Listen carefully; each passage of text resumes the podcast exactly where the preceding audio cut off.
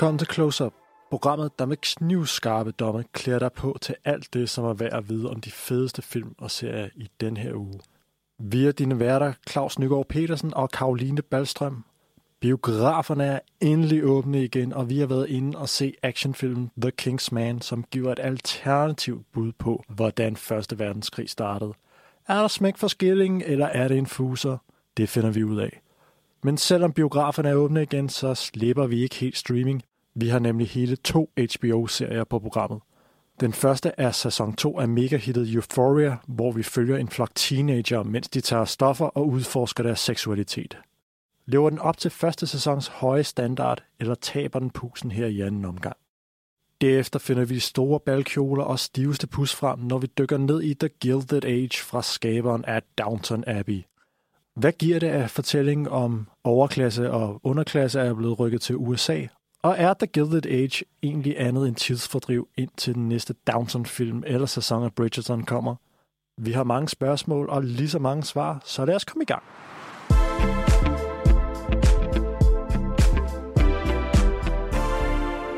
Karoline, biograferne er åbne igen. Woohoo!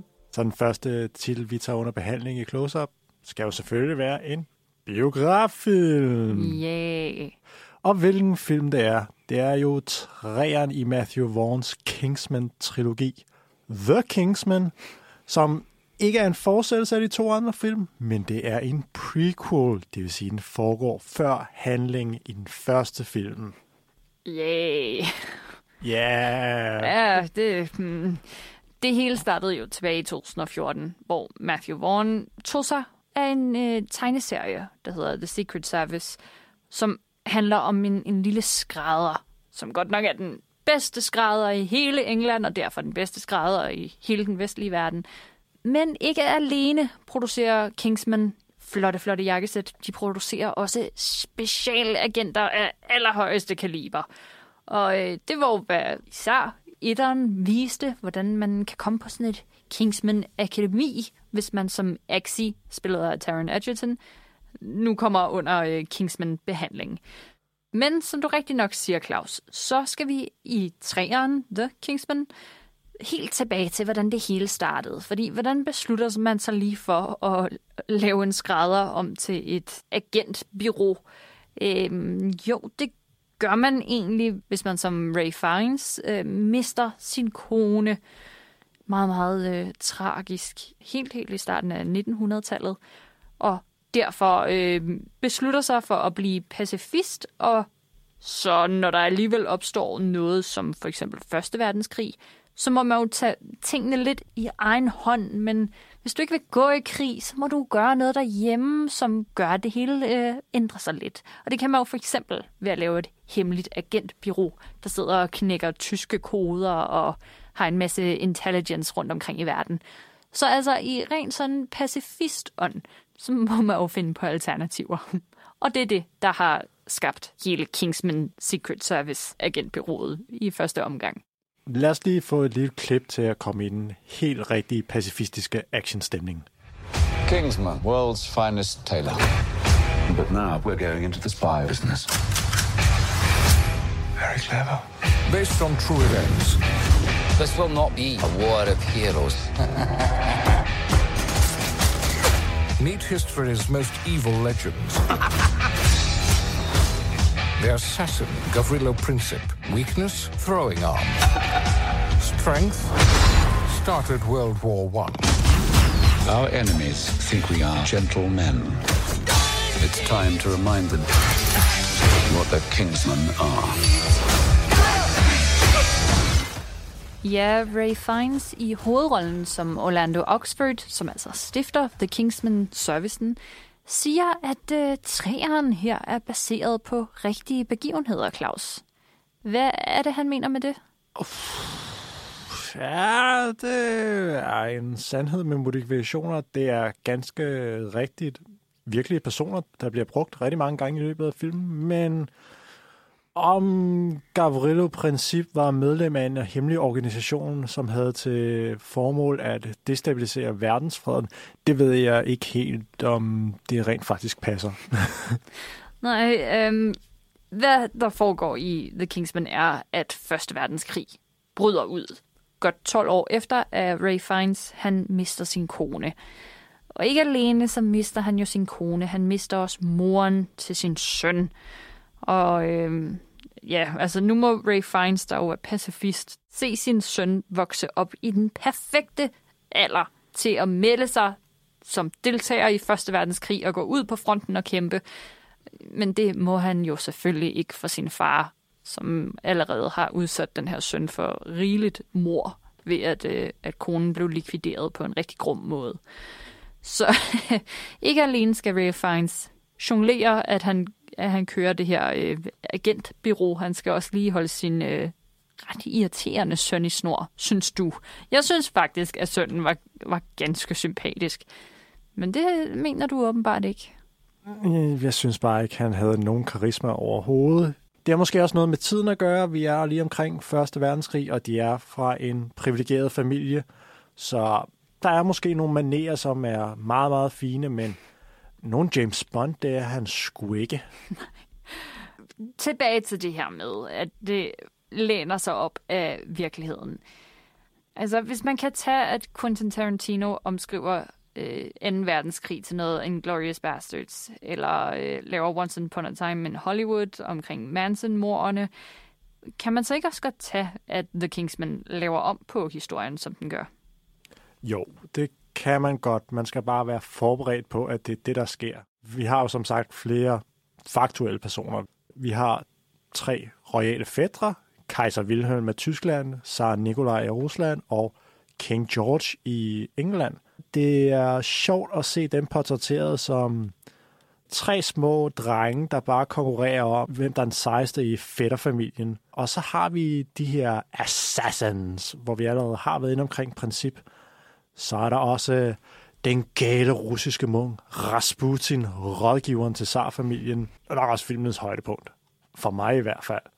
Og i øh, Rie Fans her, så er han en, øh, en øh, lidt mystifystisk øh, liderbuk. Der er nogle sjove ting i den, men den kommer ikke helt ud på et agentspoof, som jeg føler, den bevæger sig over imod. Den læner sig lidt hen, mere hen imod Austin Powers-filmene, end den gør mod de foregående Kingsman.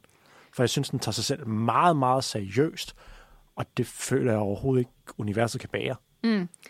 Det er nok også, fordi når man går ind til en Kingsman-film, har man efterhånden forventninger til, hvordan ting skal afvikles også, og det er med minimum en god actionsekvens per 20. minut. Altså en banebrydende actionsekvens eller John Wick. Og i hele første halvdel af The Kingsman er der måske en af sådan nogle der sekvenser, der, der får dig til at klappe en lille smule i dine blodtænder, ikke?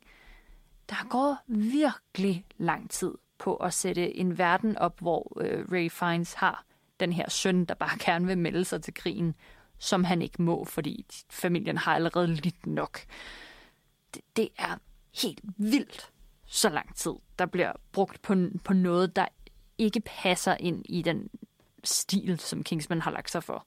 Det er netop det. Det skal være en sjov actionfilm. Der er ikke særlig meget action i den første time, men til gengæld så er der virkelig meget drama, som bevares. Ray Fiennes er en fantastisk skuespiller og kan få alt til at virke elegant og plausibelt, når han øh, leverer en replik.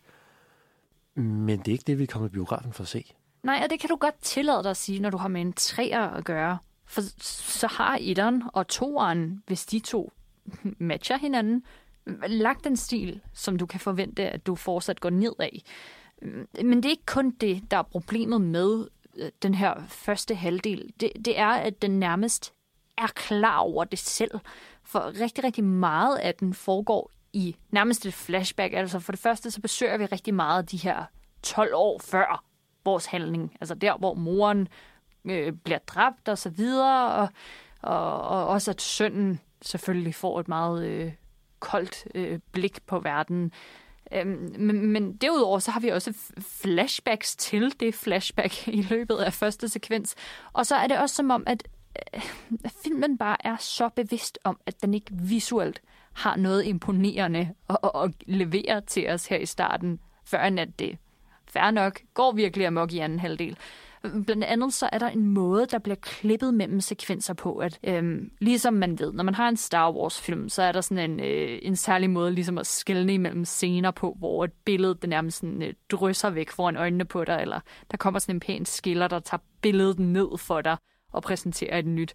Her er det i stedet, at der er rigtig meget af matching. For eksempel, at så fokuserer du på Ray Fiennes øjne, kører helt tæt ind på ham, imens han fortæller om sin fortid, og i det kameraet, som stadig er fokuseret på hans øjne, men når kameraet trækker sig tilbage igen, så er hele verden omkring ham lige pludselig fortiden, og han passer ind i den historie, han er i gang med at fortælle om. Eller du har en by, der øh, ser fin ud til at starte med, og så bliver der klippet til to år inde i krigen, og så er byen helt ødelagt. Eller sådan. De prøver på at lave rigtig mange flotte visuelle overgange, for nærmest at distrahere mod, at de ikke har andet at præsentere lige de første 4-5 gange tænker man, åh, det var fedt og godt matchet og sådan noget. Men når de ikke kan klippe mellem scener uden at lave et match, så bliver du en lille smule sindssyg. Det, som jeg blev ved med at hænge mig i, det er det tonale fejl, der er i filmen. Fordi vi har den her hemmelige forbryderorganisation, som prøver at destabilisere verdensfreden i bedste spektrastil. Altså, og altså skaber Første Verdenskrig. Ja, ja. Det er lidt øh, operatisk. Det er meget svulstige enetaler. Matchende ringe, hvor de sådan er forskellige dyr. Deres chef er hyrden, og de er sådan en del af hans flok. Uh.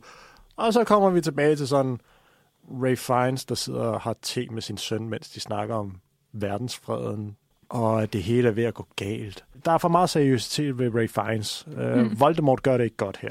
Nu godt nok, så kommer der jo de actionsekvenser, man hungrer efter, og det er også fordi, de bare, ah, hvor ser det bare godt ud. Og det er her, hvor Kingsman så til gengæld ikke skuffer, fordi det, det er sådan en, hvor du kan gå ind og se den med en gruppe venner, og bagefter kan I tale om, hvad jeres yndlings action-sekvens var. Om det var den ude på masken i øh, 1917, hvor han bærer sin sårede ven på tværs af en slagmark, mens tyskerne og englænderne skyder på hinanden og alt sådan noget eller om det er, når du skal få Rasputin ned med nakken. Det er i hvert fald min yndlings action sekvens. Det er en vidunderlig sekvens. Det er nærmest ballet, den måde, den nærkamp fungerer på. Nej, det er jeg glad for, at du siger. Nå, det er du. Hvorfor ja. er du glad for, at jeg siger det? Det er, fordi det alt sammen er koreograferet til Tchaikovskis meget, meget øh, kendte overture 1812. Det musikstykke er nærmest lavet til den her actionsekvens, og det er virkelig, det er så blasfemisk sagt, men det passer bare så godt sammen. Det er så fedt, når du har actionsekvenser med karakterer, som øh, har en eller anden øh, baggrund, eller i det her øh, tilfælde øh, er Rasputin jo så russer, og så at få øh, sådan russiske træk ind i hans kampteknik, er jo bare så fedt. Og så til Tchaikovsky er alt altså, det er bare for sindssygt. Og især også fordi den der overture er så lang, altså, og den fortsætter bare, du tror hele tiden, at nu er det slut. Men så kommer der lige lidt mere, og så, øj, man bliver sindssygt. Det er så godt lavet, og lange takes også. Også med Ray Fiennes, der, der virkelig kæmper meget i den her, som jo ikke umiddelbart er sådan en gut, man tænker, han er mega god til at lave sin egen stunts. Han laver en lille Colin Firth. Hvad, hvad er din yndlings action sekvens? Ja, min yndlings action-sekvens er nemlig Rasputin, ah, der snyd, Claus. giver en gas på et bord og prøver at smadre stakkels Jimon Honso. Udover den scene, så synes jeg faktisk, det er lidt støjt. Ja, jo, det var da ikke, hvad vi havde troet, det ville være. Men altså, hvis man ikke er sådan helt skarp i sin første verdenskrigshistorie, som jeg efter den her fundet ud af, jeg bestemt ikke var, øh, så kan den også godt være lidt uvenlig i starten. Altså, selvfølgelig er du aldrig i tvivl om, hvem der er de gode og de onde. Det skal de meget tykke aksanger nok øh, guide dig i. Der er også noget omkring øh, USA's indblanding i starten, og sådan noget, hvor jeg lige blanker en lille smule, og ikke helt kan forstå, hvad problemet egentlig er, bare fordi, sorry, men jeg har åbenbart ikke lyttet godt nok efter i skolen. Og, og, og når det går ud over din nydelse af en actionfilm, at du ikke har godt nok styr på din historie. Ja, sådan i hvert fald bare ikke til mig. Og det, de hiver den rigtig meget væk fra, hvad særligt etteren jo også præsenterede, som var Exi, der kom lige fra gaden, og som tuskede sig vej gennem livet. Øh, og, og se ham blive inkluderet i det her overklasse landskab, var jo, var jo helt vildt fedt. Men her er det bare overklassen, der bekriger overklassen øh, med deres øh, forskellige fejekneb. Og det har man brug for at se Kingsman egentlig, Claus? Er det noget, man trods alt lige skal slæbe sig ind til? Nej, det Åh. synes jeg simpelthen ikke, man skal. Damn. Det er to stjerner for mig. Jeg kunne godt lide Rasputin kampscenen. Derudover ikke så meget. Der er noget med nogle sjove geder på et tidspunkt, som får en til at smile lidt. Men det er ikke øh, to timer og 11 minutter hver. Jeg synes, der var andre kampsekvenser at komme efter end Rasputin. Blandt andet er der øh, ude i, i Marsklandet på et tidspunkt øh, en, en knivsekvens, øh, selvom folk jo egentlig er udstyret med, øh, med geværer. Øh, og det, det synes jeg er meget fint. Der er også nogle rigtig flotte spejlinger, øh, særligt når de skal lave nogle sværkamp-standoffs, som også bare sidder lige i skabet, de der refleksioner der. Ui, to die for. Men tre stjerner til Kingsman fra, fra min side af, fordi det, den forbryder sig også mod det univers, den selv har sat op. Men altså, lidt øh, omskrivning af historien, det har aldrig skadet mig, og hvis man som, lad os sige, sådan lidt poppet Tarantino-fan, så vil man nok også godt kunne lide øh, træerne af, af Kingsman. Og jeg vil ikke holde det imod nogen, fordi, ja ja, der, der er der god underholdning at hente i den.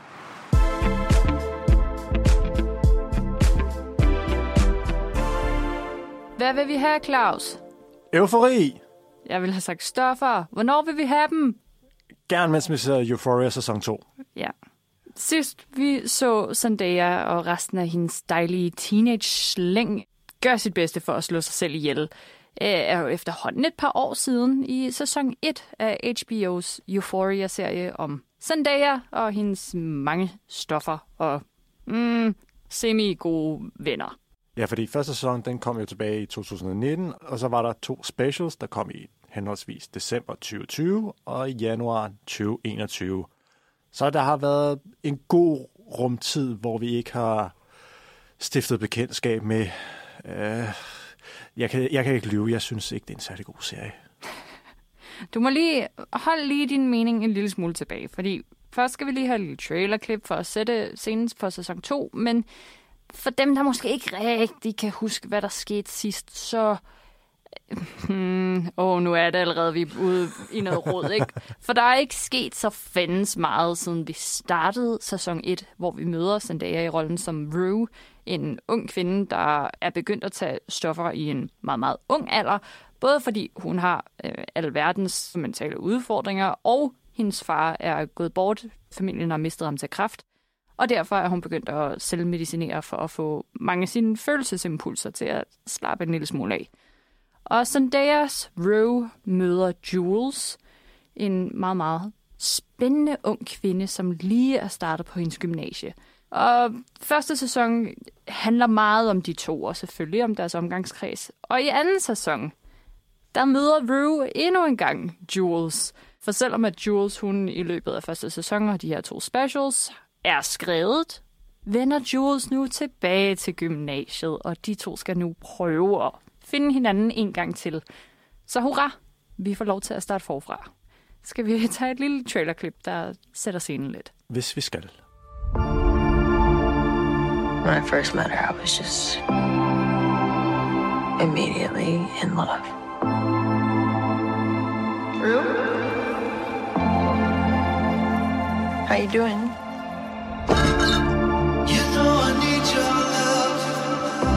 As soon as I saw her, I was just immediately afraid to lose her. When'd you relapse? Ja,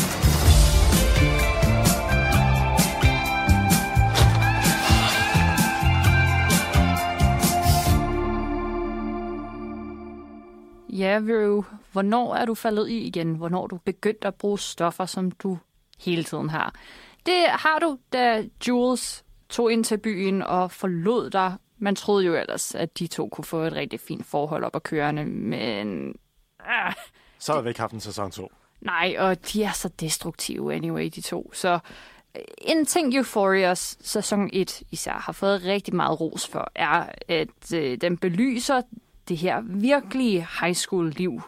Jeg ved ikke, hvilken sindssyg high school øh, Sam Levinson, der står bag serien, har besøgt for at finde inspiration.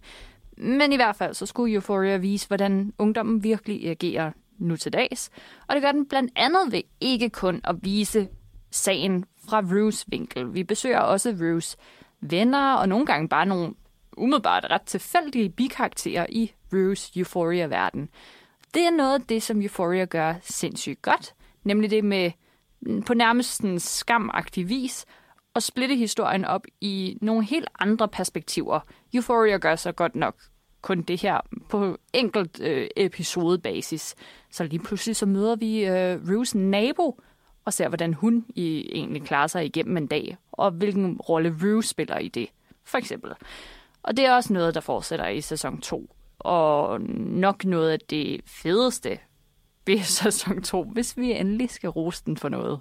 Mm. Den holder sjovt nok lidt tilbage med netop det greb, synes jeg på en måde, synes jeg et eller andet sted, fordi det er som om, at showet er blevet så stort, så nu prøver vi at kigge på nogle af de mindre karakterer, men så skal vi, betyder det jo også, at vi skal give slip på nogle af de karakterer, som vi synes er allermest interessante. De forsøger jo at piske en stemning op i, i et område, vi allerede kender rigtig, rigtig godt.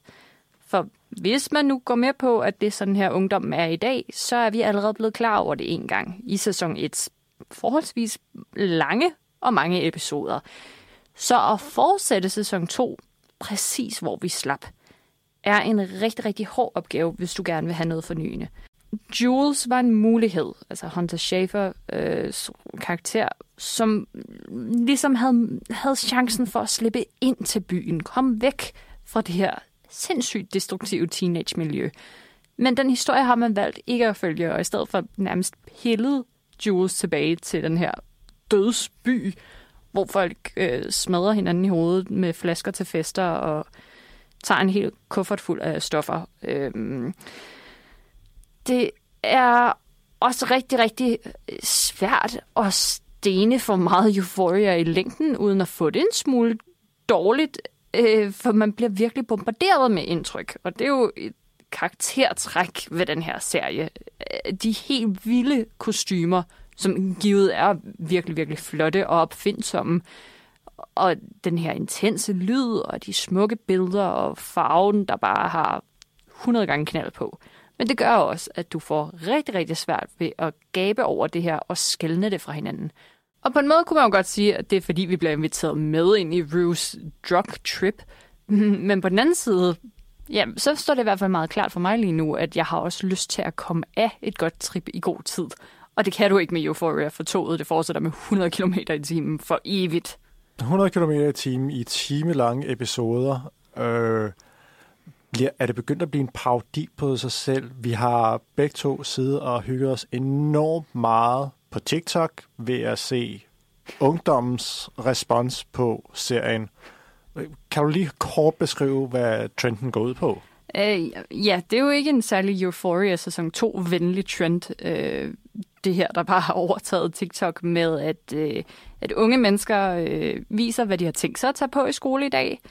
Og lige pludselig får de at vide, at øh, det er bestemt ikke godt nok, og så laver de en fin lille øh, transition, fordi de går jo til Euphoria College, og det betyder, at man skal være så godt som nøgen og minimum bære et stykke beklædning, der er neongrønt. så det virker også som om, at ungdommen efterhånden er begyndt at, at vende sig rimelig meget mod Euphorias realistiske præsentation af virkeligheden.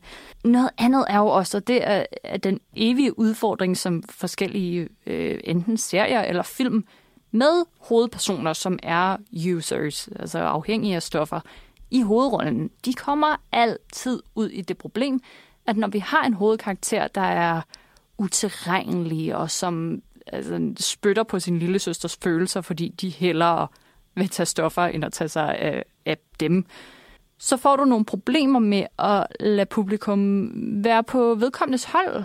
Altså, du mister simpelthen sympatien for din egen hovedkarakter, og det er virkelig op ad bakke. Rue er jo ikke en særlig sympatisk karakter, netop på grund af nogle af de ting, som du nævner der. Det er jo hende, der et eller andet sted skal være den person, som drager os ind i universet. Det er hende, der er voiceover-fortæller på alle afsnittene. Men er vi blevet trætte af Rue? Man kan jo aldrig blive træt af Zendaya, og det er det fascinerende, fordi det er bare noget, jeg altså, jeg kan sagtens bare slynge det ud og sige det, ikke? Ja, nu stopper jeg lige der. Man kan aldrig blive træt af Zendaya, men kan man blive træt af Rue? Man kan blive træt af Rue, men så må man også bare lige tage et skridt tilbage og tænke på, hvem det er, der spiller hende. For det kan du ikke lade være med. For det er jo ikke særlig godt skjult, at det her er Zendaya, der skal spille fem år yngre, end hun egentlig er. For det ligner Zendaya på en prik. Og hvorimod de andre har øh, ret mange make-up looks, eller fået pandehår på en sjov måde, eller noget i den stil, så står Zendaya rimelig meget bar, som hun er. Hun gør det også virkelig godt, men for mig er den helt store oplevelse i den her sæson, det er Fez, spillet af Angus Cloud, den her narkohandler, en gadedreng, som er blevet opfostret af sin, øh, hvordan siger man det pænt? Narkobaronen bedstemor. There we go. Ja, hvis man ikke lige helt kan huske, hvor man skal placere fast, så er det øh, okay, lidt kompliceret. I første sæson havde Jules øh, sex med øh, klassens populære dreng Nates far. Øh, en rigtig nasty business, som blev optaget på video. Og spørgsmålet er, hvem der er i besiddelse af båndet, hvem der har tænkt sig at potentielt lægge det. Og indtil det sker, så er både Nate og faren ligesom i vedkommendes hulehånd. Problemet er bare, at Nate har godt fundet ud af det her, og er nu begyndt at tro Jules, hvilket Rue jo selvfølgelig ikke vil have. Øh, og Rues helt store S i ærmet er Fasco, som ejer øh, en kiosk og, og driver noget øh, narkohandel. Så ved at få, få Fasco og Nate til ligesom at spille op mod hinanden, så er hele det der bånd og Jules' og farens skæbne, det, det er så sådan lige lidt på standby, fordi Nate og Fasco, de kansler rimelig meget hinanden ud og kan holde hinanden lidt hen. Øh, så Fasco er nøglen til, om, om ting virkelig skal gå amok i sæson 2, eller om det bliver holdt hen og holdt nede. Øhm, problemet er bare, at Fasco med sin helt vilde baggrund, som også åbner sæson 2 med et rigtig, rigtig flot afsnit, så kan man godt regne ud, at, at Fasco måske ikke er den mest diplomatiske type. en sød relation, der udspringer af det her, det er jo hans øh, spirende-romance med øh, Cassies lillesøster Lexi. Ja, som plejede at være Rues rigtig gode veninde. Mm. Men det lærte vi jo i sæson 1, at, at det fik Rue ligesom fucket op ved ikke at ville stoppe med at tage stoffer, som Lexi jo ellers bad hende meget inderligt om. Og i den her omgang er turen virkelig kommet til Jules, der altså må overtage Lexis job, som er at prøve at holde Rue i ørerne. Ja, Det går ikke godt, nej, det går ikke godt. fordi Rue lyver bare. Ja. Det er også her, at Euphoria sæson 2, for vi kan slippe afsted med rigtig meget i en første sæson, der også sætter tonen så flot, som Euphoria gør, for det er teknisk upåklageligt tv.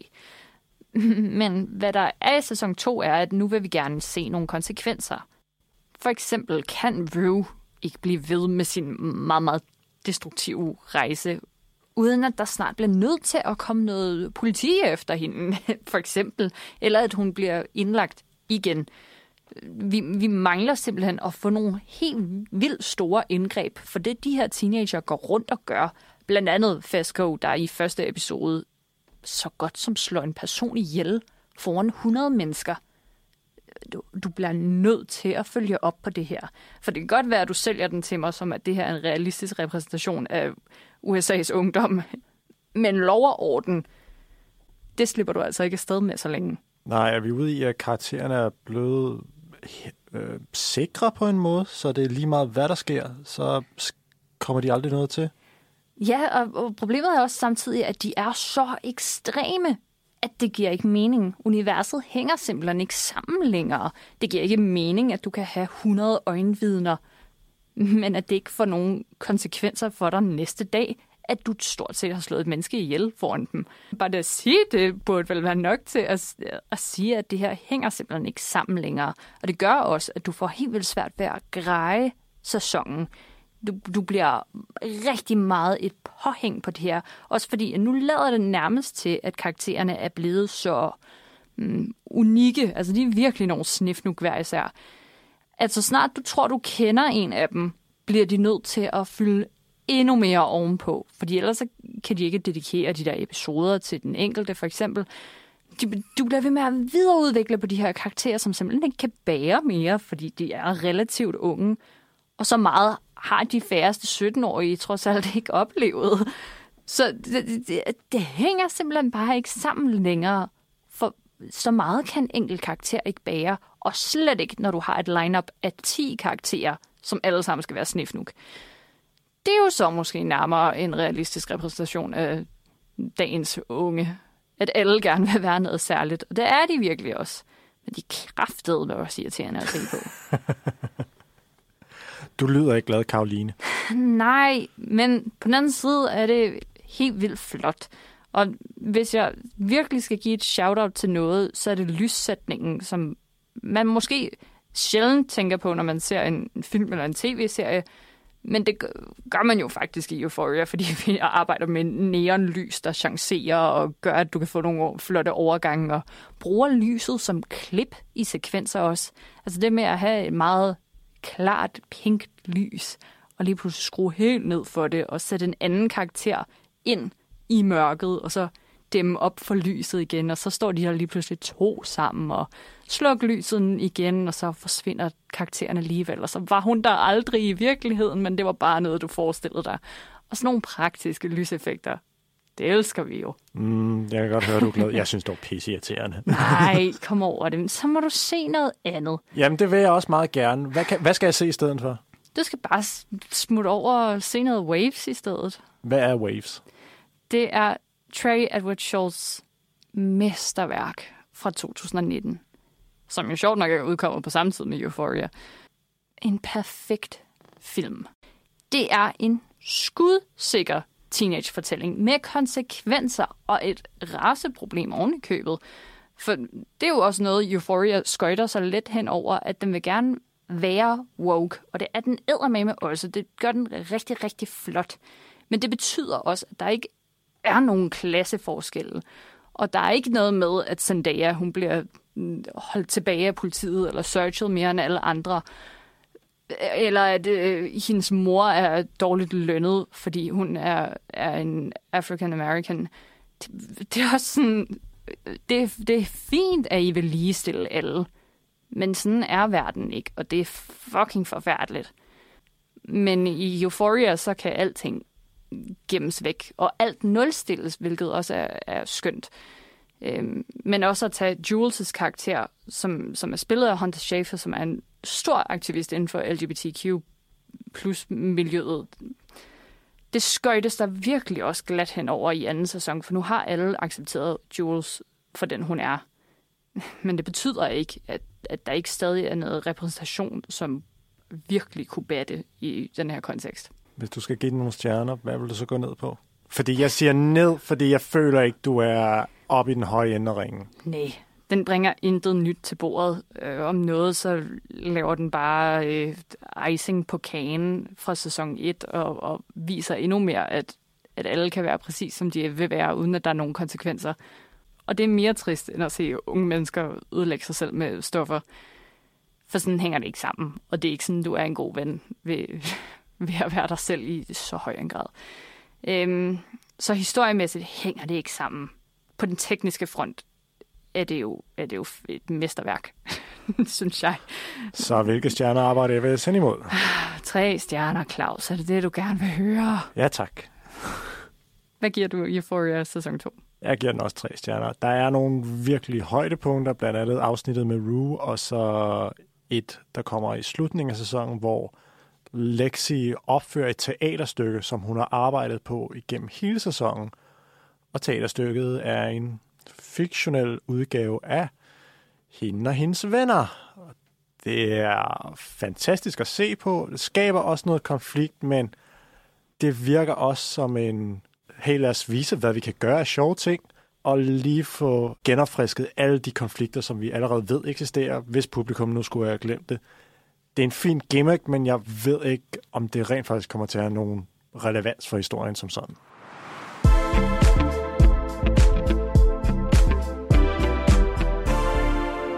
Marts 2022 blev den bedste måned nogensinde, Claus. Jeg har fødselsdag Nej, i det er ikke marts. derfor. Det er nemlig rigtigt. Nej, det er ikke derfor. Tak fordi du nævner det. Nej, Alle gaver kan sende til... nej, det er fordi både på Netflix kommer Bridgerton tilbage, og så får vi en ny Downton Abbey-film i biograferne. Uh, oh, shit, mand. ja, det bliver en rigtig god måned. Får din upscale øh, personlighed på. Ja. Men indtil da, så kan vi jo bare lige tage et lille kig forbi HBO's The Gilded Age, som jo er så godt som Downton møder Bridgerton, og det skulle man jo næsten tro ikke kunne blive bedre. Jamen, jeg kan næsten se, at du står sådan og klapper i hænderne af bare begejstring for konceptet. Faktisk er det jo skaberen af Downton Abbey, Julian Fellows, som nu i stedet for at beskæftige sig med tynet og dem upstairs i England, har flyttet sit fokus til USA. Specifikt en meget interessant periode i amerikansk historie, lige på grænsen til 1900-tallet. Også kendt som The Gilded Age. Og det her gilding, hvad er det, det betyder? Jo, det betyder, at noget er forgyldt. Man tager et lille tynd lag guldmaling, og så kommer uden på et andet stykke metal, og får det til at se ud, som om det er lidt mere værd, end det reelt er.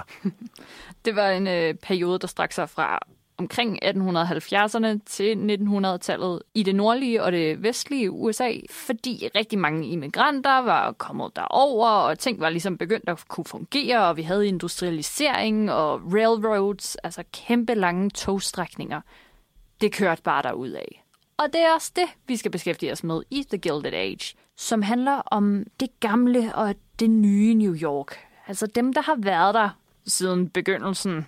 Og så de newcomers, der kommer i, i trit med industrialiseringen. For det var en periode i USA, hvor ting gik amok. Alle havde rigtig, rigtig mange penge mellem hænderne. Og i The Gilded Age tv-serien, er det ikke en god ting for alle de gamle, originale New Yorkere, som nu må tage sig til takke med at få nye, nyrige naboer til kvarteret. Og det er også det, vi skal høre i trailerklippet her. Hvad er det lige, der foregår? Jo, vi bliver introduceret til det her New Yorker-miljø igennem vores hovedperson, en øh, nylig forældreløs ung kvinde, der hedder Marian Brooke, som efter faren stod i Pennsylvania, nu er nødt til at flytte ind hos sin rige tanter i byen. Og tanterne, det er nogle af gamle penge, som du nævnte før. Og det er jo lidt sjovt for en øh, ny person at komme til byen, hvor man har meget, meget markante holdninger til nyrige, men når man kommer ud fra landet, så er man lidt mere, nå ja, det er jo bare mennesker alle sammen. Så hun skal jo egentlig som ny agere i et miljø, hvor hun skal optræde gammelt. Mm. Og det går jo selvfølgelig ikke særlig godt, for hun er ung, og tanterne er gamle og konservative, og lige ved siden af dem er der flyttet en ny familie ind. Rigtig nyrige, øh, railroad-rige naboer, som jo altså, lever en rigtig flashy livsstil. Og det kan godt trække lidt i sådan en ung kvinde, lige at komme til at kigge lidt for langt over på den anden side af gaden. Lad os høre, hvordan det går her. New York is a collection of villages. The old have been in charge since before the revolution, until the new people invaded. Well, I'm new. I've only just arrived. You are my niece, and you belong to old New York. George Russell is a power in the land. Before long, he'll put money into his pocket with every train ticket you buy. I think we should know the Russell family. We do not move in the same circles. Mama, you are incorrigible. I take that as the highest praise.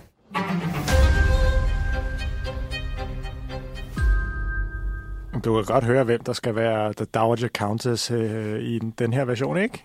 Jo, i stedet for Maggie Smith, så får vi øh, Christine Baranski, som jeg i hvert fald bedst kan huske fra øh, Mamma Mia-filmene, til at spille den sure gamle tante, som nu skal kigge efter øh, Marion Brooke. Du, du kigger mærkeligt på mig. Kan du bedre huske hende fra noget andet, Claus? Øh, nej, lige umiddelbart, så er det faktisk også kun Mamma Mia, som lige popper op, men sådan... Men en, ellers en klassisk filmskuespiller, tv-skuespiller. The Good Wife øh, har hun spillet en prominent rolle i. Men efter The Gilded Age, så er det den her rolle, man kommer til at huske hende for. For hold da ferie, hvor er hun en fornøjelse. Hun har også skrevet rigtig godt. Det er nærmest, som om hun har overtaget Maggie Smiths øh, meget snærpede kommentarer. Heldigvis så den her gamle tante har en, øh, en lille søster, som aldrig er blevet gift, og som derfor stadig også er i, i huset, som den her unge Marion, hun flytter ind i. Og det er øh, Cynthia Nixon, som vi jo lige har set i And Just Like That, hvor hun spiller Miranda. Øh, så de her to lidt ældre tanter må nu til sammen prøve at holde snor i hende øh, Marion Brooke. Og der er jo intet som at have et etableret univers, og så en hovedperson, der kommer udefra og ikke ved noget som helst. Sådan så vi som seere og hun som hovedkarakter nu skal introduceres til et helt etableret miljø, og vi på den måde bare får det hele forklaret, uden at det virker alt for sådan eksponeringstungt. Ah, det er skønt med sådan en lille guide. øh, og på den modsatte side, så har vi jo de nyrige Russell-familien. Dem, dem med alle øh, jernbanerne og sådan noget. Dem med alle jernbanerne og det alt for store, pompøse hus, som øh, solkongen Louis, øh, Louis den 13. han vil være misundelig på. ja, det bliver faktisk omtalt som sådan et nyt Versailles-slot. Jamen, det er rigtigt. De er også yngre end de to tanter der. De har to børn selv, som er nogenlunde på Marions alder. Og det kan jo godt blive farligt, når den ene af dem er en fyr, ikke? Oh, ja. Oh, ja. ja, nu får vi allerede lidt Bridgerton-vibes ja, der, ikke? og lillesøsteren er meget eftertragtet, fordi hvis man bliver gift med hende, så kunne det jo være, at man lige kommer ind i familien, øh, som har ja. lidt mange penge. Ja. Mange penge er vist en underdrivelse. Altså, den, den nye familie der styrer New York. Men det gør de jo ikke på den sociale scene. Særligt er kvinden i spidsen for det her nye Versailles, spillet af Carrie Coon fra The Leftovers.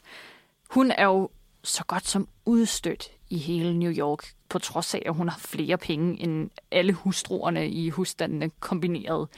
Og selvom vi jo egentlig har tanterne og deres nye niæse at følge, så bruger vi stort set lige så meget tid over i det her nye, flotte hus, hvor vi særligt ser øh, Carrie Coon kæmpe for at få en fod indendørs. Og der må også blive brugt nogle fejetricks undervejs. Og det er her, hvor man også godt kan mærke, at vi er ikke i Downton længere. Vi har flyttet os over, ikke bare på tværs af rigtig, rigtig meget vand, men også nærmest på tværs af en genre, for hvor Downton var et rent drama. Altså det kunne lige så godt være foregået på en teaterscene. Så er det her meget mere pompt og pragt. Det ligger selvfølgelig også til tidsalderen. Men vi er ude i nogle, nogle flere ekstremer, og hvor Downton måske havde nogle små drillerier indimellem, så er vi her på den helt brede klinge, hvor vi ruinerer folk, hvis de pisser os en lille smule af. Det er bare ikke så raffineret og så kløgtigt, som Downton jo var. Og det skuffer mig faktisk en lille smule, især når man ved, at det er den samme skaber. Jeg kan godt se, hvor du kommer fra. Jeg tror måske, at det taler ind til de to forskellige landes øh, tv-traditioner, hvor England har den her meget pom og pragt, men med en værdighed. Hvorimod vi i USA, der findes jo den her skønne genre, der blev opfundet i 1950'erne, der hedder soap opera, fordi der skulle sælges sæbe til husmøderne, som så fjernsyn. Og hvordan får man dem til at blive hængende? Man giver dem en helvedes masse drama. Og jeg føler lidt, det er den her genre, som Julian Fellows, han prøver at skubbe The Gilded Age over i, samtidig med, at vi bibeholder noget af aristokratiet fra Downton Abbey. Kan du følge mig? Mm, meget. Det er lidt ærgerligt, fordi jeg havde forventet fra Julian de her enormt skarpe replikker. De synger som en lusing, ikke? Og nogle gange, så skal du også lige tænke lidt over dem, før du rigtig fatter dem. Og, og der bliver spillet meget langt i Downton. Altså små ting bliver sat i gang og får et payoff tre sæsoner tidligere. Og de der tjenere downstairs, de kan også gå og, og lave små ting, som påvirker dem ovenpå efter lang tid. Og det fornemmer man bare ikke i Gilded Age. Der er rigtig mange konsekvenser rigtig, rigtig hurtigt. Fordi der også er så mange penge på spil, så hvis bare nogen laver et enkelt træk, så ryster det hele øh, stigen nedad. Det er bare ikke så eftertænksomt. Nej, det er sjovt, du nævner det med Downstairs, fordi Downstairs er jo virkelig underbelyst i den her omgang. Vi kommer ikke særlig meget nedenunder. Vi gør det et par gange, især igennem Peggy Scott, en tilfældig person, som øh, Marion møder på toget på vej ind til byen. Peggy er afroamerikaner, og dermed ikke lige så velanset i samfundet som de kridhvide kaukasier. Så hun bliver på en måde vores indgangsvinkel til de lidt mere underbemidlede i samfundet. Det er som om, der mangler noget pondus i den del. Hmm. Du kan ikke rigtig mærke det på samme måde som en Downton. Øh. Nej, det er nemlig rigtigt. Man kan ikke mærke det på samme måde som en Downton. Der er også mange flere mennesker, vi skal holde styr på i den her serie. Vi har jo to huse, som vi følger, hvor det er familiemedlemmer og deres tjenere, og så er der hele den store omgangskreds. Det er altså mange mennesker, vi skal have styr på, og hvordan mm. deres relationer er i forhold til hinanden. I Gilded Age kommer vi også ud til forskellige øh, sommerhuse, og der bliver holdt fester alle mulige andre steder ind i Downtons store balsal. Så der er, der er bare helt vildt mange små mikromiljøer, man skal holde styr på. Også også, når de kommer ud til et loppemarked. Og altså, det er jo ikke bare sådan et standard loppemarked. Det med påfulde fjers øh, vifter og den slags. Men så når de kommer derud, så skal man også ligesom forholde sig til, at, at kvinderne, især internt der, har nogle meget markante holdninger til hinanden. Og, og igen, det gør bare, at man bliver nødt til at skøjte relativt hurtigt over tingene, fordi episoderne er på de der 45-55 minutter. Og så dybt kan du heller ikke nå at komme, hvis du skal forbi to husholdninger og diverse omgangskredse. Det er her, hvor jeg også begynder at tænke Bridgerton rigtig meget. For måden, de unge også har, har rigtig meget at skulle have sagt, som jo ikke nødvendigvis er så kløgtigt, påvirker også rigtig meget The Gilded Age, fordi det er et helt klart ønske fra Marion, ligesom at bløde det her op. Altså, det skal ikke være så adskilt længere. Og det, det irriterer mig lidt, at hun får krogen under sine ældre, meget konservative tanter så hurtigt. Fordi de begynder jo allerede at krakelere fra start af og ligesom give hende noget snor og sådan noget. Og den vil Maggie Smith jo aldrig være gået med på. Altså det er jo, er jo med kæmpe protester, når nogle af kvinderne i Downton-husholdningen, de gifter sig med den forkerte. Det går i hvert fald ikke stille for sig. Det bliver bare sådan en mærkelig Bridgerton-Downton-hybrid. For Bridgerton er jo også, der er jo også noget lidt slibrigt over det, ikke? Mm. På den gode måde. Helt sikkert. Men der er Gilded Age jo ret tør. Mm. Du kan forestille dig nogle ting måske. Jeg vil ikke holde det mod dig. det kan man godt finde på at gøre. Det, det er okay, hvis man gør det. Men det, det må jo blive det. Mm. Så samtidig er den mere promiskuøs end Downton, men tør som Sahara, hvis du sammenligner med Bridgerton. Så åh, den lander sådan et mærkeligt sted midt imellem, hvor den hverken er seriøs, men den er heller ikke mm, sjov og slibrig nok til at være en guilty pleasure, og det, det bliver bare mærkeligt. Jeg hører dig sige, at det er et underholdende lille puserum, indtil en af de to andre ting kommer tilbage. Mm, fordi de er clean, og de er veludførte i forhold til, ikke at sige, at Bridgerton er lige så kvalitet som, som Downton. Bridgerton kan noget helt andet. Men, men det er to virkelig opdelte lejre, hvor Gilded Age, ja, og igen, det er jo ikke amerikanernes skyld, at at det er så ekstremt, som det er. For det, det var det jo på den tid. Altså, alting var jo, var jo helt fucked. Og der, og der var gang i så meget udvikling. Så ja, fint. Det er bare ikke raffineret. Men derfor kunne man jo godt gøre det lidt mere crisp, end det er her. Det er en ærgerlig Karoline Ballstrøm, der står over for mig. Hvor ærgerlig er hun? Nej, altså, er det jo heller ikke, vel? Det Nå, stadig... okay. Nej, men øh, altså, kostymerne alene. Og musikken, skrevet af Gregson Williams-brødrene. For fanden, mand. Åh, oh, der er nogle temaer, som man bare ikke skal gå glip af. De har sådan et særligt konflikttema, når hende øh, moren over i det nyrige hus, Carrie Coon, når hun ligesom tager tilløb til noget, ikke, så begynder der at køre nogle violiner på sådan en rigtig plisende måde. Og man bare tænker, åh oh, fuck, man, nu går det ned. Og så kommer der rulletekster, godt nok. Men, men sådan, på den front, alt det tekniske, sidder jo lige i skabet. Jeg ved faktisk ikke, hvor imponeret jeg er over åbningssekvensen. Øh, som, som forestiller et tog, der ligesom kører igennem USA, og alt andet må lade ud for at gøre plads til de der skinner, der bliver lagt det ved jeg er måske lige lidt for meget på næsen, ikke? Men, øh, øh, jeg, vil, jeg vil helt klart se videre, men det er også det første, der bliver lagt på hylden, så snart vi når marts. for der findes bare bedre derude. Så en, en, en små fire stjerner til Gilded Age på HBO. Hvad synes du, Claus? Mm, jeg er meget enig med dig med sådan underholdte fire stjerner. Jeg kan godt lide vores hovedrolle med Rand Brooks, spillet af Louisa Jacobson. Som jo er hvems datter? Det er nemlig det. Meryl Streep. Og når, Streep, og når først du ved det, så kan du ikke undgå at se en ung Meryl Streep. Det Hvorfor hedder hun så Lys? hvorfor hun hedder Louisa Jacobson? Ja. Det skal jeg fortælle dig. Er der seriøst en grund til det? Ja, udover at hun vel bare har, ville være sin egen kvinde, I guess. Men, Ja, Hvorfor hedder ja, hun det? Ja, det var derfor. nå.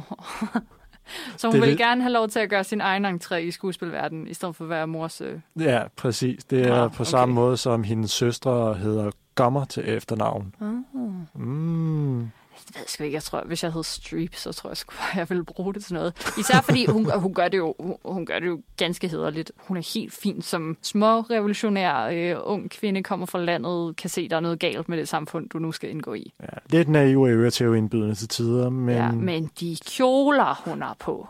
Hun rocker seriøst dueblå, som jeg ikke har set nogen gøre det siden Askepot. Hende og Askepot kan bare tage patent på det der. Og så har hun, hun havde på et tidspunkt et sort fløjelsbånd, som sådan en choker necklace, hvor hun også havde øh, lyseblå på, hvor man bare var sådan, oh, oh, oh, nu går det ned, mand. Det var så fedt. så hvis man er i tvivl om, hvorfor man skal se The Gilded Age, så er det for hele den visuelle atmosfære. Ja, ja, okay, ikke? Fordi de nyrige, ikke? deres kjoler er rigtig ofte lidt skæve, og der er sådan drejninger på, og, og måden, de bruger silke, er også meget mere i sådan nogle deller.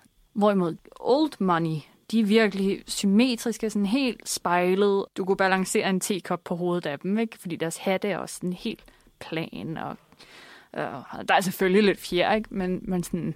Oh, yeah. Jeg stiller så spørgsmålet, er du new money eller old money? Jeg er old money, fordi jeg så, hvordan det gik med alle dem ombord på Titanic. Jeg ved, hvordan det gik for øh, Gatsby og hans gule bil. Den er ikke guldfarvet, den er gul. Gul er cheap, guld er godt. Så jeg er old money, for jeg skal, jeg skal ikke lade livet på noget. Hvad, er du new eller old money? Du er new money, bitch, er du. Jeg er new money, jeg har ingen skrubler på, hvordan jeg tjener mine penge. Ja, ja. ja. Det er derfor, jeg har et hus i Hampton, og du ikke har. Men jeg køber dit hus i Hampton. Ja, det er det. Nå, ja, ja. Øh, fred, Claus. Lad os få fred.